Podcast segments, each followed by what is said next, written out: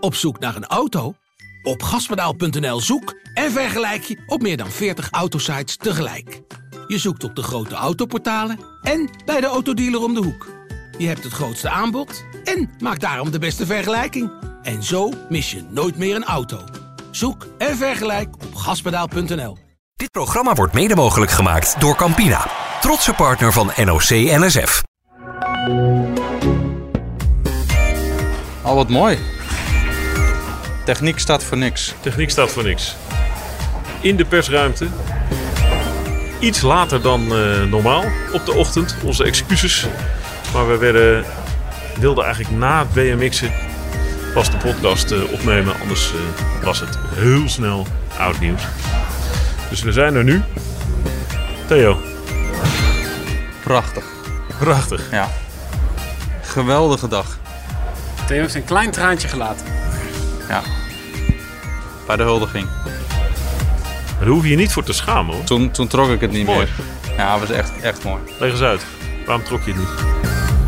Ja, ja, hoe komt dat? Ja, dat is gewoon ineens een gevoel wat dan in één keer naar boven borrelt. En ik zag het ook wel aan zijn gezicht. Van Nick Kimman, Hij- goud op, eh, ja, op de hij, BMX. hij had het ook eh, zwaar, zeg maar. En ja, dit komt natuurlijk gewoon, net als met Annemiek van Vleuten, de voorgeschiedenis. Wat er, wat er allemaal is gebeurd in zijn topsportleven. En ja, als je dat van dichtbij dan meemaakt allemaal. Ehm, ik ken hem eigenlijk van voor, voor Rio. En toen werd hij op een hele jonge leeftijd wereldkampioen BMX. En dan weet je van ja, dit is gewoon een hele speciale renner. En dan ook, ook op persoonlijk vlak, ja, het is gewoon een, echt, echt een enorm goede topsporter. Hij weet gewoon wat hij moet doen en hij doet het allemaal perfect. Hij leeft voor zijn sport. En ja, met sommige topsporters heb je iets meer dan met anderen. En ik, ik vind hem gewoon een, ja, gewoon een prachtige topsporter. En dan ga je dat van dichtbij mee, ga je dat van dichtbij volgen. En in Rio ging het, liep het mis. En dan, eh, ja, dan denk je, oké, eh, benieuwd hoe, dat eh, de, de, de jaren daarna gaan. Tokio is een heel groot doel. Ja, en dan maken ze ook met de BMX, met dat team, zoveel mee. Ehm, en als je dan uiteindelijk naar dat allemaal overwonnen, overwint. En dat, dat het er ineens toch gewoon uitkomt. Terwijl je eigenlijk diep van binnen denkt van... Ja, het zou me niks verbazen als het helemaal niks wordt. En dat het dan toch lukt. Ja, dat, eh, dat doet me zeer... eh, dat doet me wel wat, ja. Maar je moet ook even uitleggen dat hij, ja, hij komt net aanlopen bij het interview dat je met hem gaat hebben. Ja, En het eerste wat hij zegt is niet slecht voor een amateur baansprinter. ja, En in, in, in drie vragen begint hij over jou te vertellen tijdens het interview Ja. nadat hij zelf Olympisch kampioen is geworden. ja. Ja, je hebt hem, jij hebt hem Ik- zelf een stap verder gebracht in zijn ontwikkeling. Ja. Dus hij, eh, hij zat toch wel eh, vorig jaar eh, best wel eh, in de knoop eigenlijk met, eh, ja, met, met, met zijn beroep eigenlijk, hè, met, eh, met het BMX'en. En eh, het BMX is een verschrikkelijk moeilijke sport, omdat je zo ongelooflijk vaak op je kokosnoot gaat en zo vaak teruggeworpen wordt. Dus die jongens zijn altijd aan het trainen en het opbouwen in de, in de krachthonk om zo sterk mogelijk te worden. Uiteindelijk komen ze in topvorm naar een wedstrijd, gaan ze naar een wedstrijd toe. Nou, eerste ronde onderuit en dan breek je wat. En dat heeft, dat heeft Twan van Gent ook meegemaakt. Ehm, nou ja, eh, Jelle van Gorkum na Rio verschrikkelijk hard gevallen. Dat heeft een enorme impact gehad op, op die groep. Ehm, blessures heeft hij gehad. Knieblessures bijvoorbeeld, vorig jaar nog. Waardoor hij dan een langere periode aangepast moet trainen. Weet je, dat, dat, dat, dat is gewoon eh, niet van een leien dakje gegaan. En dan eh, op een gegeven moment, eh, vorig jaar dus met corona, was hij er even helemaal klaar mee, ook met het BMX'en. Toen had hij dus een periode, wat op een gegeven moment werd de speler dus uit, uitgesteld. Nou, toen dacht hij, ga ik dit nog trekken? 12 maanden lang alleen maar trainen op de BMX. en dan eh, op, de, op de speler, fris op de speler staan? Of ga ik nu eventjes de stekker eruit trekken en ga ik iets compleet anders doen? Ehm, wel fietsen. Dus wel fysiek bezig zijn, maar dan eh, maar me- me- mentaal ergens anders met je, met je, ja, met je hoofd zitten. Toen wilde hij dus mee in het baantraject, zeg maar. Toen heeft hij dus met de onder de 23 ploeg meegetraind. En, eh, maar toen, toen zag ik dus al, toen kreeg hij dus een niet zo'n goede fiets, zeg maar, om op te fietsen. Dus dat zag er niet uit. Dus toen zeg ik, joh, dat, ja, moet, je moet ook wel goed, goed materiaal hebben dan. Dus eh, nou ja, de schuur staat eh, bij mij helemaal vol met fietsen, want ik kan heel moeilijk fietsen wegdoen. Dus eh, nou, mooie fietsen opgebouwd en eh, alles eh, voor elkaar. En toen is hij ja, gaan trainen. En wij hadden, dat was vorig jaar juni.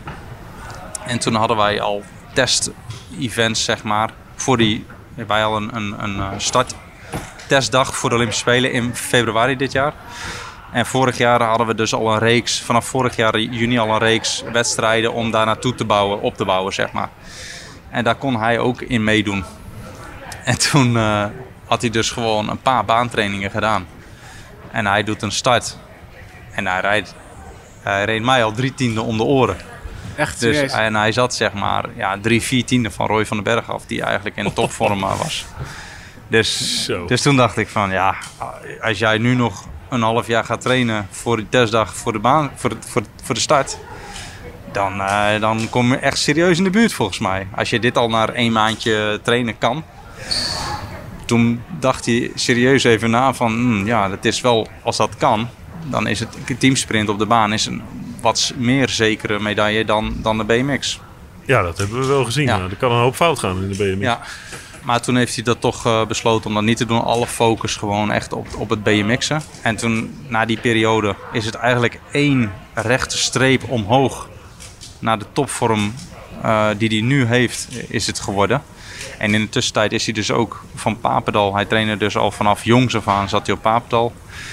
Nou ja, daar zit je echt in dezelfde setting jarenlang eh, naar WK Ja. toe werken. Zelfde krachthonk, zelfde mensen. Eh, op een gegeven moment was hij dat helemaal zat natuurlijk, eh, na acht jaar of zo. Ehm, ja, zie je dat in dat stramien. Toen dacht hij, ja, dit, dit, dit, dit trek ik niet meer. Ehm, en toen is hij dus naar Egle gereden. En Egle is een, eh, dus de, de UCI is daar gevestigd. Er is een, eh, een wielenbaan in Egle bij het hoofdkantoor. Of het hoofdkantoor van UCI zit op de wielenbaan. Uh, je hebt daar een krachthonkfaciliteiten en je hebt daar een BMX-baan. En de UCI geeft altijd voor beurzen aan renners uit landen die bijvoorbeeld die faciliteiten niet hebben.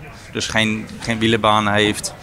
Dan kunnen bijvoorbeeld renners uit eh, Eritrea of zo, die, die- als ze talent hebben, kunnen ze daar een jaar lang eh, worden ze begeleid. Bijvoorbeeld eh, Daniel Tekle-Hemmenet eh, van de weg, die is op die manier zeg maar opgeleid. Ehm, maar je kan ook bijvoorbeeld jezelf daar, eh, ja, dan moet je x bedrag betalen en dan mag je meetrainen met die, eh, ja, en mag je gebruik maken van die faciliteiten, de trainers die daar zitten.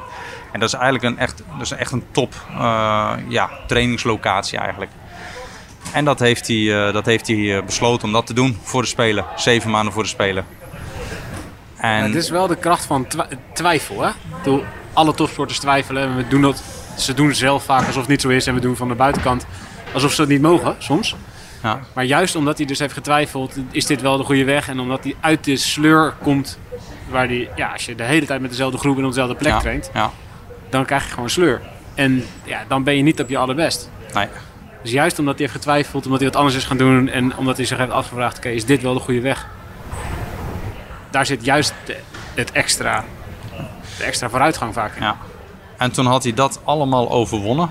Dus hij eh, naar Tokio. En toen ging hij trainen. En dan ging hij trainen, topvorm. Hij reed als de brandweer. ehm, en dan rijdt hij op een official. En dan breekt hij zijn knieschijf. Drie dagen voor de wedstrijd. Ja. Nou, dat is gewoon... eh, en, en, en, en, en ja, toen dacht ik van, nou, dat, dat wordt heel moeilijk. Uh, om, en zeker omdat de BMX, nou ja, je hebt het gezien hoe belangrijk de start is. Ehm, en hij heeft ook nog eens een keer uh, al die tijd heeft hij gewerkt aan een uh, start met een grotere versnelling. Dus hij rijdt een, zwaardere versnelling dan zijn concurrentie. Dus dat is nog een, ook een groot risico met starten. Maar dan is het weer het voordeel zeg maar aan het einde van het traject van de baan, dat je daar op die manier terugkomt. En dat is ook zijn sterke punt. Dus ehm, ja, als je dat allemaal dan weet en het, het lukt uiteindelijk dan toch, ja, dan eh, kijk je naar die podiumceremonie en dan staat hij daar met een fucking gouden medaille om zijn nek. Ja, dat was eh Toen kreeg je het even te brok, kwaad. brok, brok in de keel. Ja. Ja. Ja. Ah, mooi. Ja. Is dat mooi dit? Ja, dat vind ik ook mooi. ja. Vind ik een mooi verhaal. Ja. Heel goed.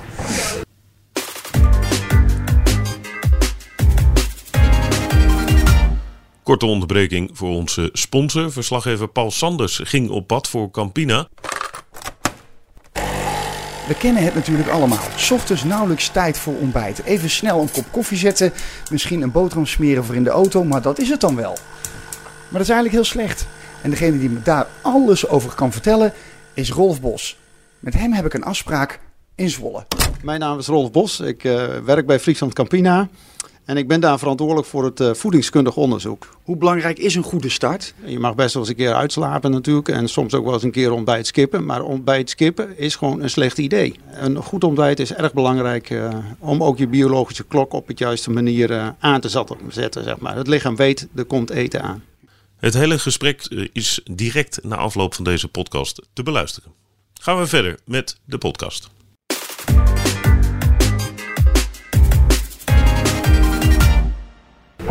We hebben bezoek. Hey, Torwat. Kijk eens. Torwat Veenenberg Ja. van de KWU. Is aangeschoven. Hebben jullie overwogen om hem eh, niet te laten starten? Niek. Eh, zeker is dat een overweging. Eh, want je moet natuurlijk kijken, ja, wat is de schade na de valpartij? En wat voor gevolgen heeft dat voor hem eh, voor, eh, voor lange termijn? Hè? Allereerst, eh, kan hij überhaupt starten?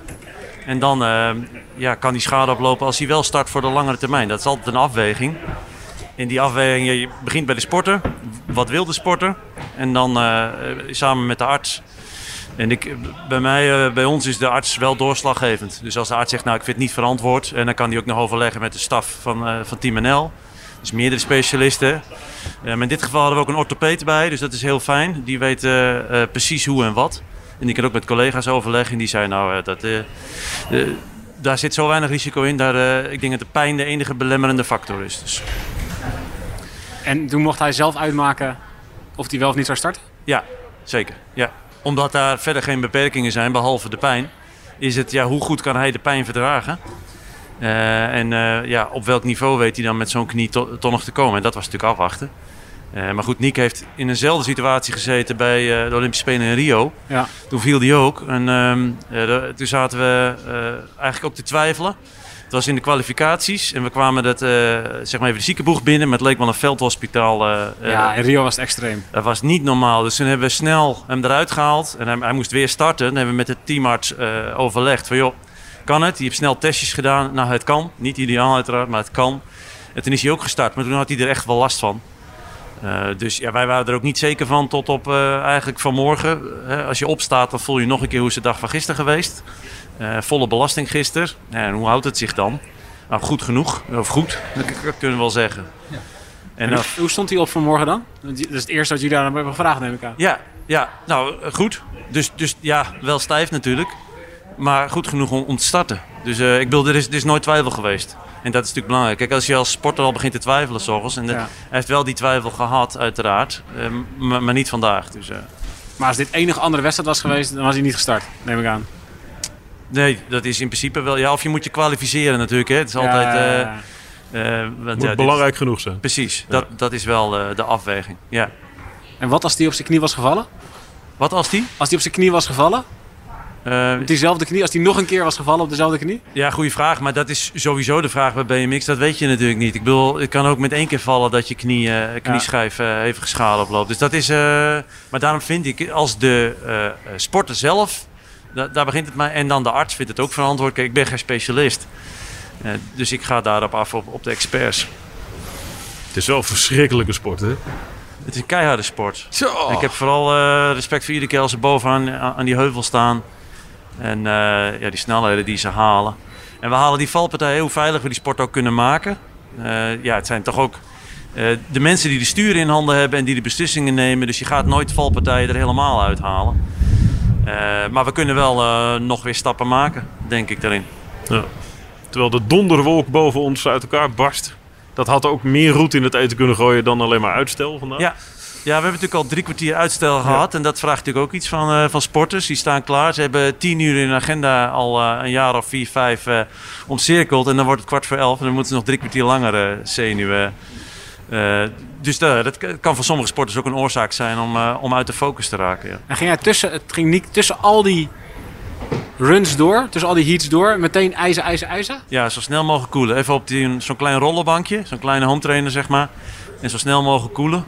Om te proberen die kerntemperatuur toch weer naar beneden te krijgen. Nou, scheelt het dat vandaag geen volle zon is, want gisteren was het echt eh, een stuk warmer. Ja. Ik heb ze vandaag niet over de warmte gehoord, dus dat was... eh, Nee, maar ik bedoel echt specifiek die knie. Dat hij eh, meteen ijzer op de knie. Oh, zo, sorry. Ik dacht om, eh, ja, om de af hitte. te koelen. Eh, ja, ik ben niet in de, in, in de box geweest. Dat is een hele beperkte ruimte. Dus de dokter is daarmee bezig. En de, de fysio. Eh, maar ik neem aan ijzer. Maar ik weet niet of dat noodzakelijk was. Dus ik kan me ook voorstellen dat je die kou niet op je spieren wil als het niet noodzakelijk is. Nou, dat kan ook een overweging zijn. Ja, Ja. ja. Eh, ja, en dan van eh, Niek Kimman naar eh Merel Smulders. Wat eigenlijk uit, uit het verhaal bij de vrouwen bleek hoe die sport werkt. In zijn valpartij, grootste favoriet, of een van de grote favorieten, eh dondert eruit. de Amerikaanse Willoughby. Eh, door dat eh, vreemde toeval komt Merel Smulders in de finale. En die rijdt de beste race ooit. ja. Dat is, eh, ja, het is Of nu de ooit, derde maar in ieder keer... geval dit toernooi. Nee, ja, precies. Ze, ze presteert op het juiste moment eh, presteert ze op haar best. De eerste drie wedstrijden gingen niet zo goed. Ehm, dus dat doet ze supergoed. Alleen ze heeft dus wel geluk nodig om dan in die finale te komen. Dus nou, dat zat deze keer mee. Ehm, maar je ziet wel dat ze... eh, nou, typisch BMX. Het is nu de derde keer dat ik eh, bij de Olympische Spelen een BMX eh, of, of wedstrijd zie. En het is iedere keer zo'n super spannend chaos dat je denkt, nou dit wordt helemaal niks.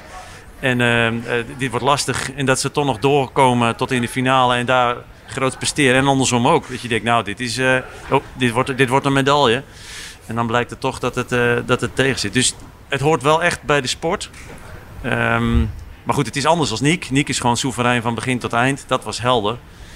En, eh, en, en, eh, en Merel herpakt zich gewoon super. Dus ja, dat is... eh, eh, eh, Twan, heb je die nog gesproken? Twan Ja. van Gent, eh, ja, die, ja, Twan heb ik ook toch, gesproken. de, toch de, eh, is een wereldkampioen. Zeker. De, de, ja, de huidige wereldkampioen. Ja. Het, komt, het kwam er niet uit eh, bij hem vandaag. Nee, klopt. Heb, heb jij een verklaring daarvoor? Nou, ik heb met zijn, zijn coach eh, gesproken. Eh, ik, ik vroeg ook van, joh, wat, eh, wat denk jij van Twan? Het is natuurlijk een snelle analyse. Hè? Het is natuurlijk een hot Ja. debrief, net na de, de wedstrijd.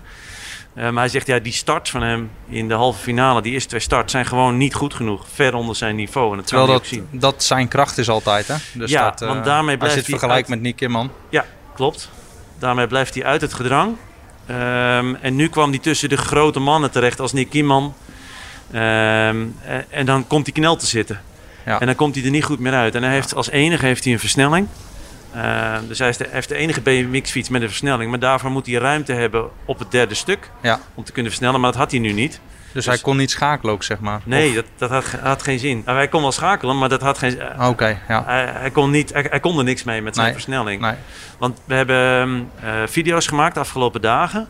Die hebben we met Dartfish over elkaar gelegd. Zo kun je toch alle mansjes met elkaar vergelijken. Ja. Ook tegen de Fransen, waar hij gisteren niet heeft tegen gefietst. En dan zie je dat hij Dus bijna... je, je kunt zeg maar klokken op de video dan. Ja. Ja. En dan kon je zien dat hij een halve seconde goed maakt op Nick. Eh, op dat derde stuk. En dat is echt veel. Hè? Nick Ja, dat is heel veel. Ja. Dus we hadden echt En wel dat is ook de kracht van Nick eigenlijk, dat eh, laatste stuk zeg Klopt. maar. Ja. Die kan nog versnellen waar anderen dat niet meer Ja. kunnen. Ja. Eh, dus dat was eigenlijk het geheime wapen van Twan. Eh, maar dan moet je wel een goede start hebben. En dan moet je er vanaf de start eh, goed bij zijn. En ja, wat ik nu begrepen heb, was dat niet het geval de eerste twee keer. En de derde Dus keer... het was puur iets fysieks misschien dat hij gewoon niet in topvorm was uiteindelijk. Eh, nou, vanmorgen zei, zei, zei zijn coach Martijn Jaspers dat hij vanmorgen nog op de training iedereen eruit speerde. En dan is natuurlijk de vraag, staat iedereen dan eh 100% aan? Maar vanmorgen leek het daar nog niet op en de afgelopen dagen ook niet. Zou het misschien ook eh, ja, druk kunnen zijn? Ik bedoel, hij heeft ook een eigen, hij heeft, hij heeft een eigen startbaan zeg maar, eh, aangelegd gekregen. Ehm, ja, veel mensen zijn daarmee bezig geweest. Zou dat eh, een rol gespeeld kunnen hebben? Dat je uiteindelijk toch die druk voelt ook van al die mensen om hem heen. die hem geholpen hebben, zeg maar. Dat Dat kan. kan ik me wel voorstellen Nee, namelijk. ja, dat kan zeker. Ja. Eh, dat is natuurlijk wel een, eh, eh, een factor wat, wat mee kan spelen. Hij heeft het wel Ja. zelf zo opgebouwd. Hè? Dus de Ja. sporter bouwt samen met zijn coach wel de ideale prestatiesetting op. Ehm, eh, maar ja, het, het is natuurlijk makkelijk om snel al me- mentaal aan te wijzen. Hè? Er kunnen Ja. natuurlijk zoveel factoren zijn. Maar, maar dat is een mogelijkheid. Dat, dat, eh, dat hij daar op dat moment toch te veel druk voelde. Ja. ja. dat kan hij het beste samen met zijn coach bepalen. Hey, Even tot slot. Ehm, even uitstappen uit het moment van de euforie naar afgelopen weekend. Ja. Toen alles nog verkeerd ging. Nou, jullie, Niet alles hoor, niet alles. hebben jullie nog eh, de, de vrouwenwegrit en de plankjesgate met eh, Van der Poel ge- geëvalueerd? Hebben jullie Zeker. het daar met iedereen over gehad? Uiteraard. Eh, zoals ik zei, hebben we eerst een, eh, meteen een hot debrief waar dus de, emoties bij zitten. En de, de, de evaluatie waar we echt eh, de lessons learned meenemen voor de volgende wedstrijden. Die komt ook nog. Maar goed, wat daaruit blijkt is dat communicatie is wel echt super belangrijk. En ik denk dat eh, als ik kijk naar die wedstrijden, het is besproken, alles is besproken. Maar is het duidelijk genoeg besproken? En dan, ja, misschien zijn onze coaches ook wel nog te terughoudend geweest. Van ja, we willen eh, sporters die zelf verantwoordelijk zijn voor hun ontwikkeling en voor hun prestatie. Hè. Dat, bij talentontwikkeling houden we al rekening mee dat je zelf initiatie ontwikkelt, zodat sporters zelf weten wat goed voor hen is. En niet dat je als coach tot en met eh elite niveau continu moet voorschrijven wat ze moeten. Dus als je dat voor ogen had, je denkt, nou ja, eh, als ik nu nog een keer heel duidelijk moet gaan zeggen, joh, die plank die ligt er niet meer, dan komt dat misschien kinderlijk over of te directief. Eh, maar kennelijk, eh, het voorbeeld is net als in de luchtvaart, als het, als het gaat om de spanning en er hangt heel veel vanaf, moet je gewoon heel duidelijk zijn in je communicatie. Bij, bij vliegtuigen hebben ze daar zelfs een aparte communicatie voor. Dus er is over gesproken, het plankje gaat weg, maar het is niet bij Mathieu binnengekomen. Nou, dat is wel een hele duidelijke les. Als zoiets gebeurt, dan moet je hem gewoon toch recht in zijn ogen kijken en zeggen: Mathieu, de plank is weg straks. Punt. Eh, zo, duidelijk moeten we dan eh, toch zijn. Ik denk dat dat de les is. En dat geldt denk ik ook voor de weg. Ehm, er zijn scenario's besproken, maar hoe duidelijk is besproken? Eh 10 minuten, dat willen we absoluut niet. En als dat zo is, dan is dit het enige plan. Ja. Eh, dus er zijn zeker wel scenario's besproken, maar de vraag is, eh, zijn die helder genoeg doorgenomen? Want het leek er nu op, eh, nu ze niet alle informatie hadden, hè, maar dat speelt natuurlijk ook mee. De informatie vanuit de organisatie was niet ideaal. Maar dat ze toch niet exact wisten, wat is nu het plan? Hè? Gaan we nu toch proberen door middel van aanvallen Ja. het gat te dichten? Nou, hebben we, hebben we geprobeerd, maar dat werkte niet voldoende. Ja, dan moet eigenlijk direct, of misschien al wel eerder, misschien moet je helemaal niet aanvallen. Gewoon rijden tot het gat eh, minder dan twee minuten is. En dan het plan gaan uitvoeren. Dus ik denk dat dat eh, eh, de lessen zijn. En daarbij, en dat vind ik toch wel belangrijk om te zeggen, het ligt zeker niet alleen aan een coach. Het is een samenspel coach en, en sporters. Coach is uiteindelijk verantwoordelijk voor het team. Maar ik denk dat in, in juist in die communicatie tussen sporter en coach, dat daar, dat daar wat dat betreft veel winst te halen is. Thanks. Welkom. Dankjewel, Oké. Torwald. Fijn dat Dank voor je even tijd. kon op deze manier. Geweldig. Ja. En eh, veel geluk, hè? Er komen nog, er komt nog een aantal dingen aan. Ja, ja, hartstikke goed. Heel goed. Zes wielermedailles in totaal in Rio. Dankjewel. Nu, staan, nu staat Nederland op zes. En de baansprinters moeten nog komen. hier, kijk, hij, een halve meter groter loopt hij weg. Ja. Nee. Jo, dankjewel. Ja, de baan moet nog komen. Goh, wat een eh, spektakel, hè? Typisch BMX. Dit was wel een spektakel. Ja. Ja. Ben je een beetje bekomen, Theo? Ik ben eh, een beetje bekomen, ja. Ja? Nu we het over de baan hebben. Nou, word je weer Begint weer enthousiast. Ja. Moeten we maar eens even kijken, want dat is Weer nieuwe eh, verhalen. dag in dag uit richting eh, Ja. de baan. Eh, Bij Kieman zat hij er al dicht op, maar die bij die baansprinters is het nog veel erger. Ja, daar heb je echt eh, Dan eh, onderdeel van redelijk uitgemaakt. betrokken. Redelijk, redelijk. Goed, eh, tot zover. hè. We bewaren de rest eh, lekker voor vanavond. We maken Ja. een round-up van de rest van de dag. Dit was het eh, succesvolle BMX-toernooi. Ik heb nog een mooi verhaal over- Rio, maar dat doen we vanavond dan. Over eh Nick Kimmel. Nou, die moet je niet nu. Nee, nee, nee, dat is voor vanavond. Dat is leuk. Oh, cliffhanger. Goed! het is echt keer op keer. Het is gewoon stap, stap, stap. Het is niet normaal. Weet je wie net eh, belde toen Theo stond te interviewen? Eh, geen idee. Mark Rutte. Markie, De Mark Rutte? hij zat er 2,5 Rechtsback van minuten in Twente. wachten. 92, eh, 88? Dat is- Mark Rutte. nee, je dat is Fred keer- Rutte. Oh, dit was Fred Rutte. Heb je in één keer opgehangen? Nee, Ah, die, die kon ja. wel even wachten. Ja, die kon wachten. Die Ja. hebben we even laten wachten. Ik heb je zo'n muziekje op de achtergrond eh, afgespeeld. Belangrijke dingen eerst. Goed zo. Het was een mooie dag. Thanks. Joe. Dit programma werd mede mogelijk gemaakt door Campina, trotse partner van NOC NSF. We kennen het natuurlijk allemaal. Ochtends nauwelijks tijd voor ontbijt. Even snel een kop koffie zetten, misschien een boterham smeren voor in de auto, maar dat is het dan wel. Maar dat is eigenlijk heel slecht, want je moet je tijd nemen voor ontbijt. Er zit een hele wetenschappelijke benadering achter. En degene die me daar alles over kan vertellen is Rolf Bos. Met hem heb ik een afspraak in Zwolle. Mijn naam is Rolf Bos. Ik eh, werk bij Friesland Campina. En ik ben daar verantwoordelijk voor het eh, voedingskundig onderzoek. En eh, wat wij doen met het voedingskundig onderzoek binnen Friesland Campina is dat wij allerlei studies wereldwijd uitvoeren naar voedingsgewoontes van mensen. Maar ook wat de nutritionele status is of de voedingsintake. Wat kun je als Campina met die, met die gegevens?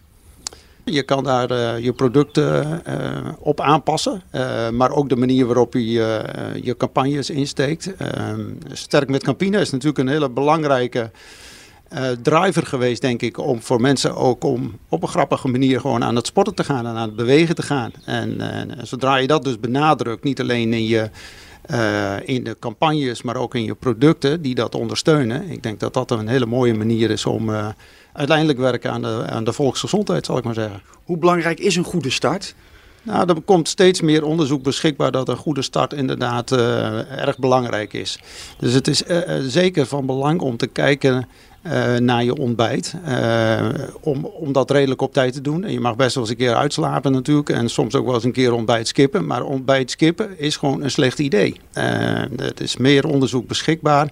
Waarin dat, eh, waarin dat, waaruit dat duidelijk eh, naar voren komt. Dus eh, een goed ontbijt is erg belangrijk om ook je biologische klok op het juiste manier aan te zetten. zeg maar. Het lichaam weet, er komt eten aan. Goed ontbijt is belangrijk. Een goede start van de dag is heel belangrijk. Maar, Maar. drukke gezinnen, Ja, kinderen moeten naar school, ja, rugzakjes moeten worden ingepakt, ja. er staat file, haast.